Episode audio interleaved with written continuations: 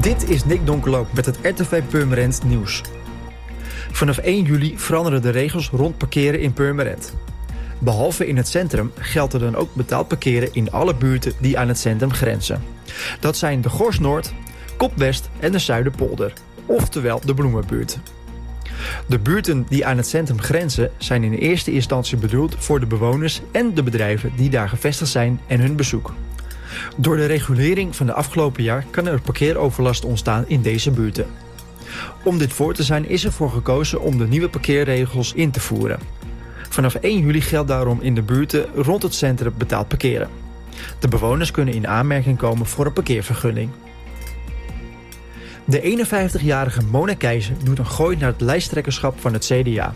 Dat maakte ze dinsdag in een interview met de Telegraaf bekend. Vooralsnog neemt Keizer het op tegen minister De Jonge van Volksgezondheid... die vorige week al zijn kandidatuur bekend maakte.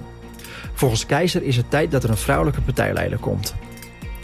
Van 2007 tot 2012 was Mona Keizer wethouder in Purmerend... en verantwoordelijk voor de portefeuilles WMO en welzijn... zorg en jeugdzorg, als mede voor sport en recreatie. Het maandelijkse muziekcafé in de Purmerendse popzaal P3 opent de deuren weer. Op vrijdag 3 juli zijn er optredens van Delayed, Postman and the Ramblers en de P3 Huisband. Het muziekcafé verdween als gevolg van de coronacrisis tijdelijk van het toneel.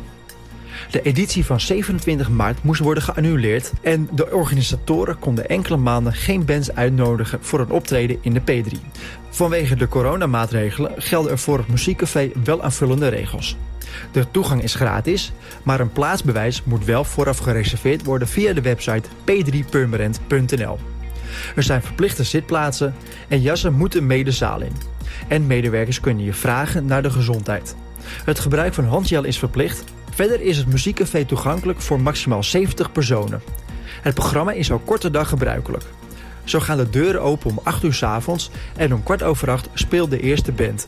En om kwart voor 11 gaan de lichten uit. Voor meer nieuws, kijk of luister natuurlijk naar RTV Purmerend. Volg je onze socials of ga je naar rtvpurmerend.nl.